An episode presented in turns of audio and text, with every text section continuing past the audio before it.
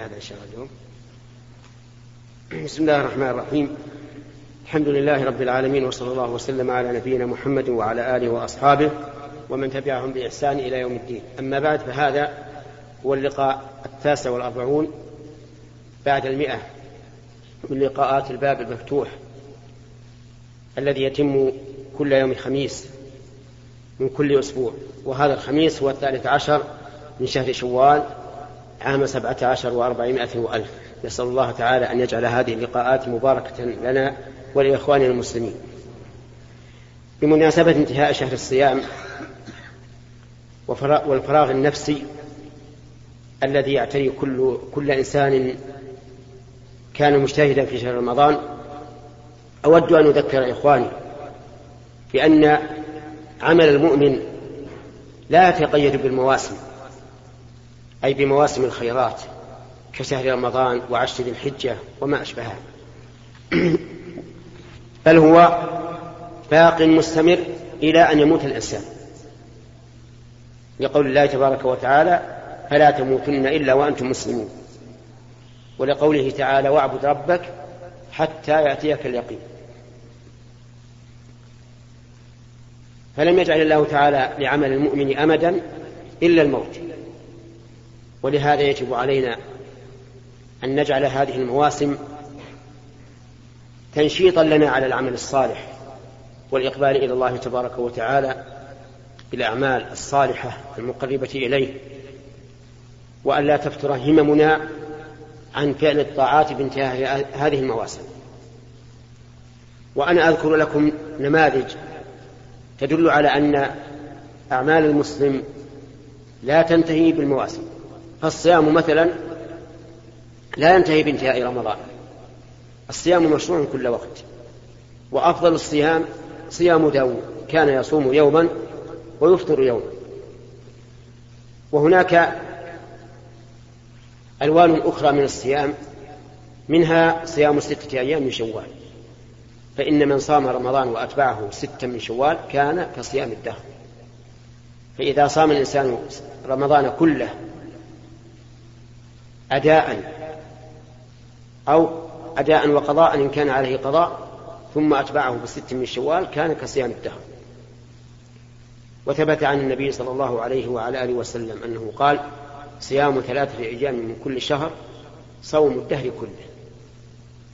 وثبت عنه أنه قال صوم يوم عرفة أحتسب على الله أن يكفر السنة التي قبله والتي بعده.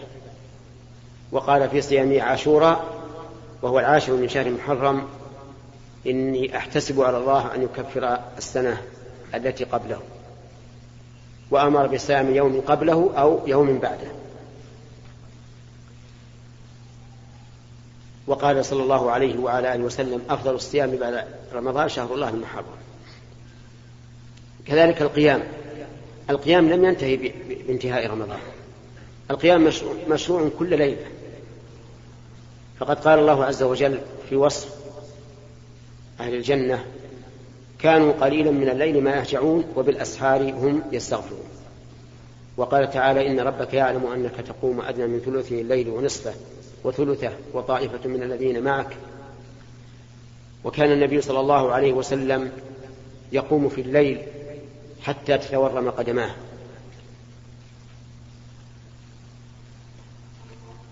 وثبت عنه صلى الله عليه وعلى آله وسلم أنه قال ينزل الله تعالى إلى السماء الدنيا حين يبقى ثلث الليل الآخر فيقول من يدعوني فأستجيب له من يسألوني فأعطيه من يستغفرني فأغفر له وذلك كل ليلة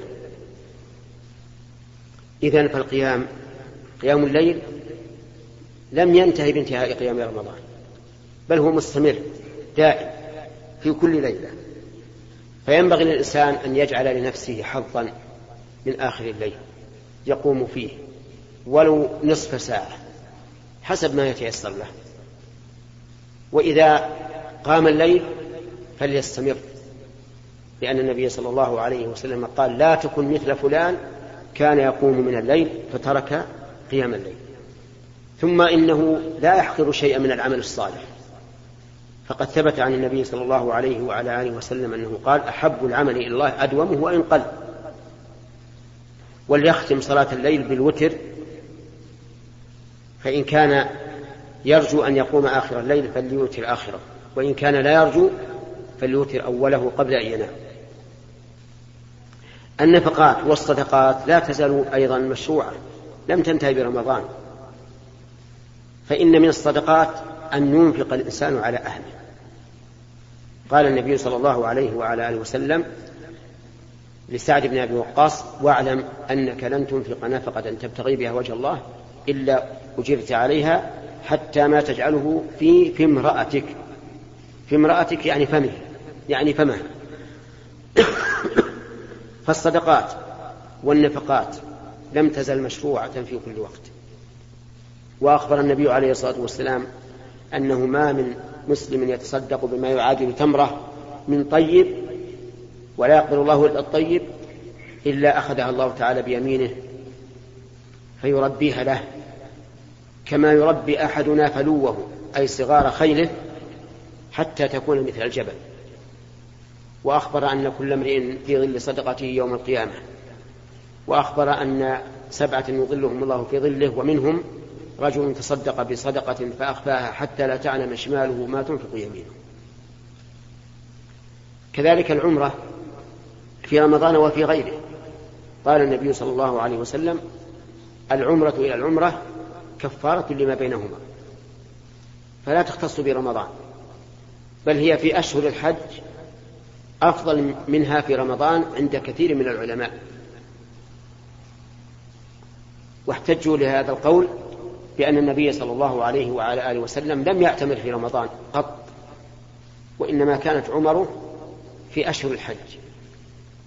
فعمرة الحديبية في ذي القعدة عمرة القضاء في ذي القعدة عمرة الجعرانة في ذي القعدة عمرته مع حجه كذلك أيضا في في ذي الحجة. وإحرامها في آخر ذي القعدة. فالحاصل بارك الله فيكم أن الأعمال الصالحة لا تنقضي بانتهاء المواسم. بل المواسم ما هي إلا بيان لفضل الله عز وجل ورحمته بعباده وتنشيط للإنسان في عودته إلى الله عز وجل وقيامه بطاعته وينبغي أن يتخذ من ذلك قوة ونشاطا على العمل في المستقبل. أسأل الله تعالى أن يعيننا وإياكم على ذكري وشكري وحسن عبادته وأن يجعلنا من عباده الصالحين الموفقين لكل خير إنه على كل شيء قدير. أما الآن فإلى الأسئلة فنبدأ باليمين. الحمد لله والصلاة والسلام على رسوله وعلى آله وصحبه ومن والاه. سماحة الوالد الكريم الشيخ محمد بن صالح العثيمين حفظه الله ورعاه. السلام عليكم ورحمة الله وبركاته. أستأذنكم فنحمد الله تعالى إليكم على نعمه وندعوه تعالى بدوام العافية وقوة العزيمة وأن يزيدكم عز وجل من فضله وهداه ويبارك في عمركم وأنفع البلاد والعباد بجهودكم وجهادكم يا شيخنا الجليل. نحمد الله تعالى أن أعاننا بتوفيقه ورعايته. بشد الرحال إليكم من البلد الشقيق الأردن وبلغنا مجلسكم ومنزلكم في هذه البلدة الطيبة. حاملين لكم كما حملناها نخبة من مشايخنا الأفاضل في هذه المملكة الطيبة. عبر شهر رمضان مرورا بالمدينة النبوية على ساكنها أفضل الصلاة والسلام ثم جدة والرياض. أمانة نحمد الله تعالى أن وفقنا بفضله في تبليغها لهم ثم الحمد له سبحانه أن أعاننا على حط الرحال في منزلكم هذا وفي وقت انعقاد مجلسكم العلمي الأسبوعي المعهود في يوم الخميس. ولقد قدر الله تعالى أن يوافق وقت وصولي إليكم لتسليمكم هذه الأمانة التي أحملها بين يدي الآن. موعد انعقاد مجلسكم هذا مع أبنائكم الطلبة وأرجو وألح في الرجاء يشاركني في ذلك إخوانكم وأبناؤكم في الأردن. يا والدنا الفاضل ويا أبناءه الحضور. أيها الإخوة الأحبة زادنا الله وإياكم حرصا على الخير وزودنا جميعا البر والتقوى. إني لأرجو أن أستئذنكم وهو رجاء إخوانكم في الأردن الذين حملوني هذه الأمانة أن أقرأها على مسامعكم وهي سؤالان أطرحهما على فضيلة الوالد الكريم. يا سماحة الوالد لقد وفق الله تعالى صهر فضيلة والدنا الشيخ الألباني الأستاذ النظام سلام سكجها وهو صاحب المكتبة الإسلامية حيث وجه هذه الدعوة وهذه مذكرة إلى خمس أو خمسة وخمسين عالما من علماء المسلمين في الأردن وخارج الأردن وقد خص هذه المملكة بنخبة طيبة من مشايخنا أن يخصوهم كذلك بهذه المذكرة وأنتم ولله الحمد بعد أن لاقينا في المدينة وفي جدة وفي الرياض نخبة وعلى رأسهم سماحة والدنا الشيخ عبد العليم باز الذين رحبوا وقدموا بعض توجيهاتهم حيث بعون الله سيتم طبع الكتاب بعنوان نصائح وتوجيهات علماء المسلمين للجماعات والأحزاب الإسلامية في العالم وهو كتاب نرجو الله تعالى أن يتوج بكلمة ونصيحة وتوجيه منكم. وقد أجاب علماؤنا في الرياض على هذه الأسئلة وهذا هو السؤال الأول. قال تعالى إنما المؤمنون إخوة وقال عز وجل وأمرهم شورى بينهم وقال سبحانه واعتصموا بحبل الله جميعا ولا تفرقوا. وقال رسول الله صلى الله عليه وسلم ترى المؤمنين في تراحمهم وتوادهم وتعاطفهم كمثل الجسد إذا اشتكى عضو تداعى له سائر الجسد بالسهر والحمى. يا سماحة الوالد على ضوء هذا الهدي الرباني الجليل وذلك التوجيه النبوي الشريف وبحكم تجربتكم ومسيرتكم الطويلة في ميدان الدعوة والعمل الإسلامي هل لنا أن نحظى بتوجيهاتكم واقتراحاتكم؟ كما تفضل إخوانكم علماء المملكة إلى قادة وأفراد الجماعات والأحزاب الإسلامية العاملة في الوطن الإسلامي الكبير. وذلك من أجل ولو لبداية خطوة أولى تبدأ بها على الدرب والمسيرة نحو رأب الصدع واجتماع الكلمة وتوحيد الجهود فيما بينها أملا في العمل الجاد المنظم للغاية الواحدة المرجوة رضوان الله تعالى ونصرة دينه وإعلاء كلمته وللوقوف صفا واحدا أمام المتربصين لهذه الأمة أمة التوحيد وحتى لا تكون فتنة ويكون الدين كله لله. وأما السؤال الثاني فعن أبي الدرداء رضي الله عنه قال إني سمعت رسول الله صلى الله عليه وسلم يقول وإن فضل العالم على العابد كفضل ليلة البدر على سائر الكواكب كفضل القمر كمثال كفضل كفضل ليلة البدر لا هنا. على سائر الكواكب وإن العلماء كفضل القمر ليلة البدر. كفضل القمر على ليلة ليلة البدر. على ليلة البدر. لا كفضل القمر ليلة البدر. كفضل ليلة كفضل القمر ليلة البدر على سائر الكواكب.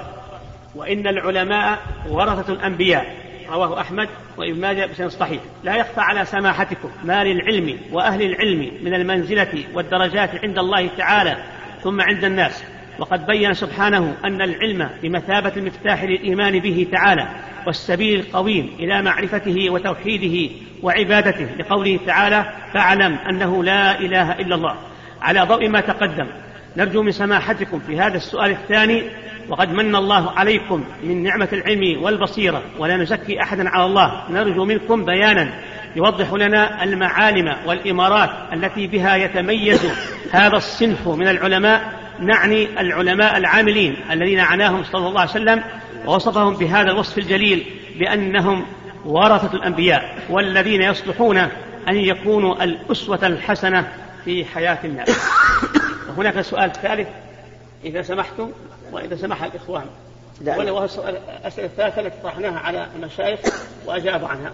وتختارون على أي سؤال ونرجو أن يكون لكم وقت للإجابة على لا الوقت للإخوة إذا كان إذا نعم. سمحوا بهذا ما في أنا استسمحت نعم. الإخوة. نستفيد من هذا. أنا استسمحت من الإخوة ومنكم لأن الحقيقة أرجو الله تعالى أن يكون في الإجابة على هذه الأسئلة. ما هو نحن واقعون فيه ونحن وأنا أولكم؟ والله نحتاج إلى هذا التوجيه. و وهذه إن شاء الله في موازينكم. المهم على كل حال إذا سمح الإخوان تسمحون؟ الله يبارك فيكم. وبارك الله في والدنا. والسؤال الأخير والثالث يا سماحة الوالد عن عمرو بن شعيب عن أبيه عن جده. قال قال رسول الله صلى الله عليه وسلم ليس منا من لم يرحم صغيرنا ويعرف شرف كبيرنا وفي رواية ويوقر كبيرنا. وكما جاء عن أم المؤمنين السيدة عائشة رضي الله عنها قولها أنزلوا الناس منازلهم. ولا شك أن العلماء كما أشرنا في السؤال السابق هم أجدر الناس بالتقدير والتوقير والاحترام وذلك لشرف العلم الذي يحملونه للخلق. ومن هذا المنطلق نرجو من سماحتكم تقديم نصائحكم وإرشاداتكم لأبنائكم الشباب الناشئ من طلبة العلم وخاصة للمتحمسين منهم للدين والدعوة على ما فيهم من غيرة وحرص على العلم والفقه. فكيف يرى سماحتكم السبيل القويم والمعالجة الناجعة التي يمكن وصفها لهذا الصنف من الشباب المتحمس لتظل مواقفه مع علماء الأمة وأهل الاجتهاد والرأي فيها مواقف التوقير والاحترام لا مواقف التجريح والاتهام. وكذلك نرجو منكم بيان واجب الطرف الآخر. أعني آباءنا العلماء ورجال الدعوة الكبار إزاء أبنائهم من هذا الشباب وذلك حتى تتم الموازنة الواردة في الحديث الشريف الآن في الذكر بين رحمة الكبير للصغير مع توقير الصغير للكبير انتهى نص الأسئلة. ونرجو توجيهاتكم وهذا تفويض من الإخوان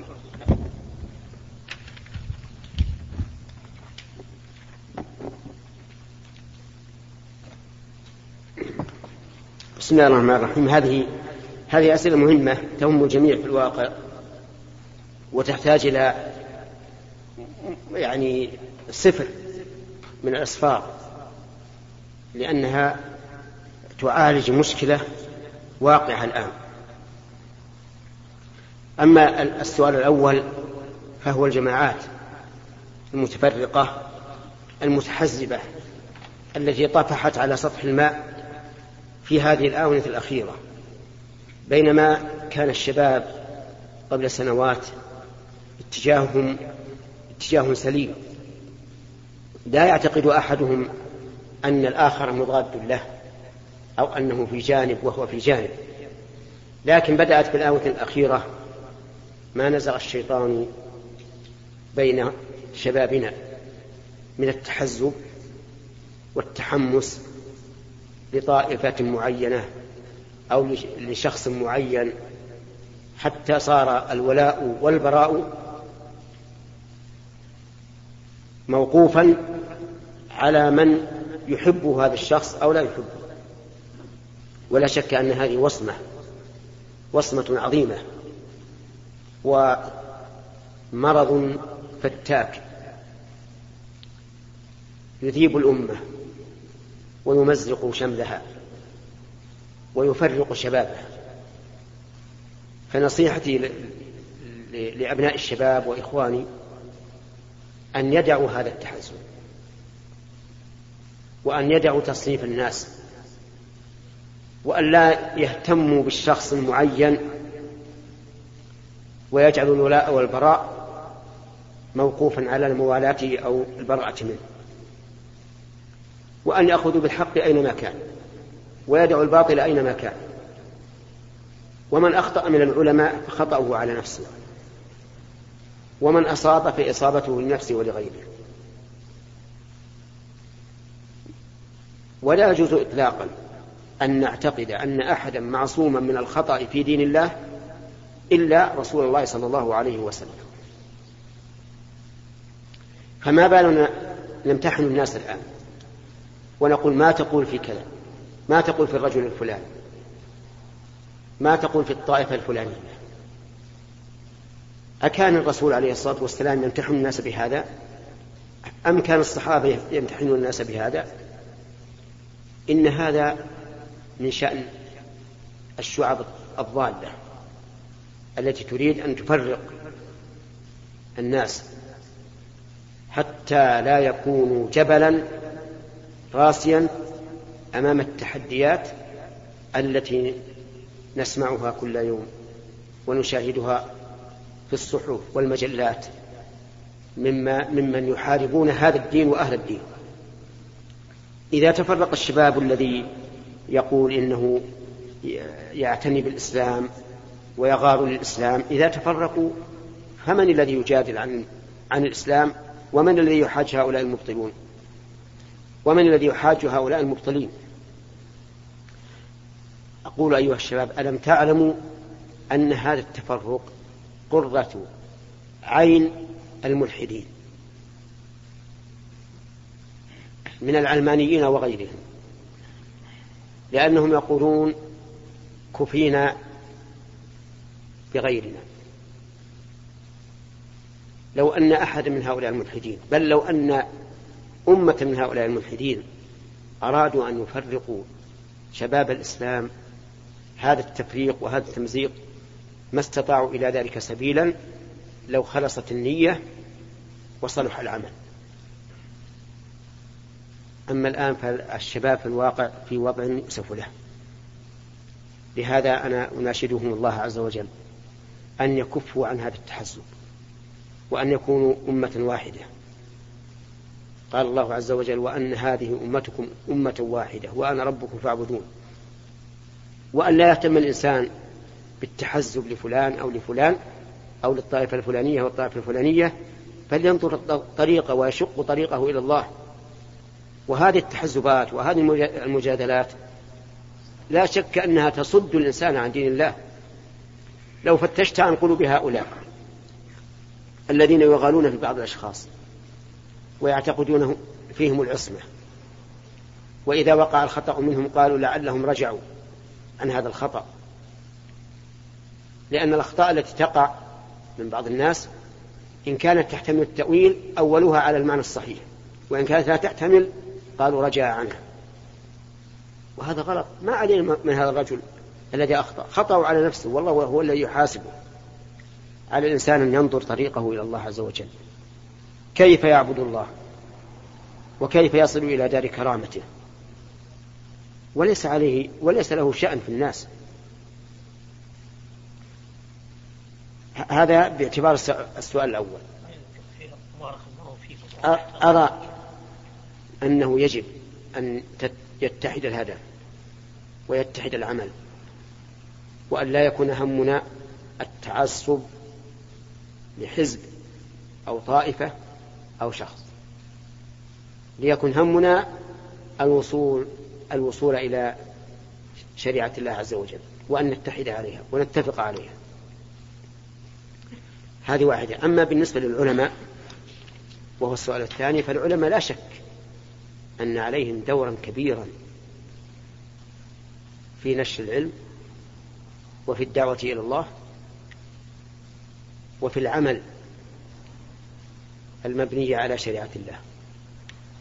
لأن العلماء هم قادة الشعوب في الحقيقة. والشعوب التي تنقاد للعلماء هي الشعوب الراضية المطمئنة. أما الشعوب التي لا تخضع إلا للسلطة فهذه لا شك أنها سوف تمارس المخالفات في الخفاء لأن السلطة مهما بلغت في مخابراتها ومباحثها فلن تستطيع أن تستولي على العقول. لكن القيادة الدينية هي التي تستولي على العقول وإذا استولت على العقول صلحت الجوارح. فالعلماء عليهم دور عظيم. أولا في طلب العلم من منابعه الصحيحة وهي الكتاب والسنة وعمل الصحابة والسلف الصالح. هذه واحدة. لا من رأي فلان وفلان المتأخرين أو المتحمسين حماسا أهوج. ثانيا عليهم أن يكونوا أول عامل بعلمهم بقدر المستطاع. لأنهم إذا علموا بالحق ولم يعملوا به كان علمهم حجة عليهم. كما قال النبي صلى الله عليه وعلى آله وسلم القرآن حجة لك أو عليك. وليس من العقل ولا من الشرع أن يعلم الإنسان بشيء أنه حرام فيفعله أو أنه واجب فيتركه. فعليهم بعد آه، طلب العلم من مظانه ومنابعه عليهم أن يعملوا به. الثالث أن ينشروه بين الناس بقدر المستطاع سواء في حلق الدراسة أو في فصول الدراسة أو في المساجد على عامة الناس أو في الصحف أو في الإذاعة. المهم جميع وسائل نقل العلم يجب على العالم أن. أن يسلكها بقدر استطاعته لأن الله تعالى أخذ على الذين أوتوا الكتاب أن يبينوه للناس ولا يكتموه الثالث أن يدعو إلى الله على بصيرة والدعوة إلى الله على بصيرة تكون من وجهين.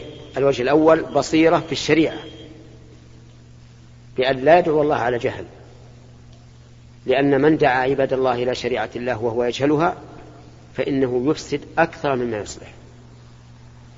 لا بد أن يكون لديه بصيرة في شريعة الله حتى يدعو إليها.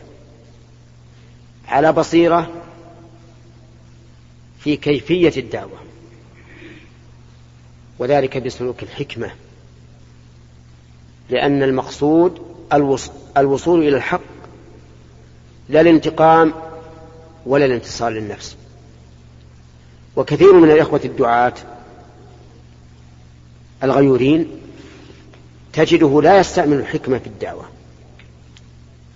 بل تحمله الغيرة على العنف. وكأنه يريد أن ينتقم من هذا المخالف سواء كان مخالفته جهلا أو عنادا أو يريد الانتصار لنفسه ولقوله. وهذا غلط لأن الله يقول لنبيه عليه الصلاة والسلام ادع إلى سبيل ربك. قل هذه سبيلي أدعو إلى إلى الله. لا إلى هواي ورأيي وقولي. اجعل همك أن تدعو إلى الله عز وجل وإلى سبيل الله. وأن و وحينئذ لا بد أن أن تكون على بصيرة في كيفية الدعوة إلى الله. ثم إني أقول لكم الداعي إلى الله أليس يريد أن يصلح المدعو؟ إذا كان كذلك فلا بد أن يسلك السبيل التي تكون وسيلة إلى إصلاحه. ومن المعلوم أنك لو, لو رأيت مخالفا وانتهرته وغضبت عليه. أن هذا لا يزيده إلا نفورا. نفورا منك ومما تدعو إليه. لكن لو أتيته بالتي هي أحسن بأسلوب سهل لين يسير. تركت مطلوبك. واصبر على ما على على ما أصابك. اصبر على ما أصابك لأنه لا بد أن يصيبك شيء. ولو بالضغط النفسي يعني قد لا يصيبك قد لا يصيبك قول يجرحك أو فعل آه، يؤلمك لكن آه، الضغط النفسي اصبر عليه. قد ترى أنك لا تستطيع أن تصبر أن ترى هذا الرجل على محرم فتعجز عن الصبر وتعنف وتغضب. لكن هذا ليس من الطريق من طريق الحكمة. اصبر نفسك واضغط عليها والمقصود إصلاح المدعو. وقد جربنا هذا وجربه غيرنا أن من دعا بعنف وغيرة زائدة لم يحصل على مقصود. ومن دعا باللين واللطف والتيسير حصل المقصود أما السؤال الثالث وهي معاملة العلماء للشباب أو لعامة الناس فيجب أن تكون المعاملة باللطف واللين والتواضع وأن يضع الإنسان نفسه أمام الحق ويتواضع لله عز وجل. وكذلك لا يحتقر الخلق. لا يقول هذا شاب صغير وأنا شيخ كبير لا ألتفت إليه ولا أنظر إليه ولا أصغي إلى هذا غلط كبير.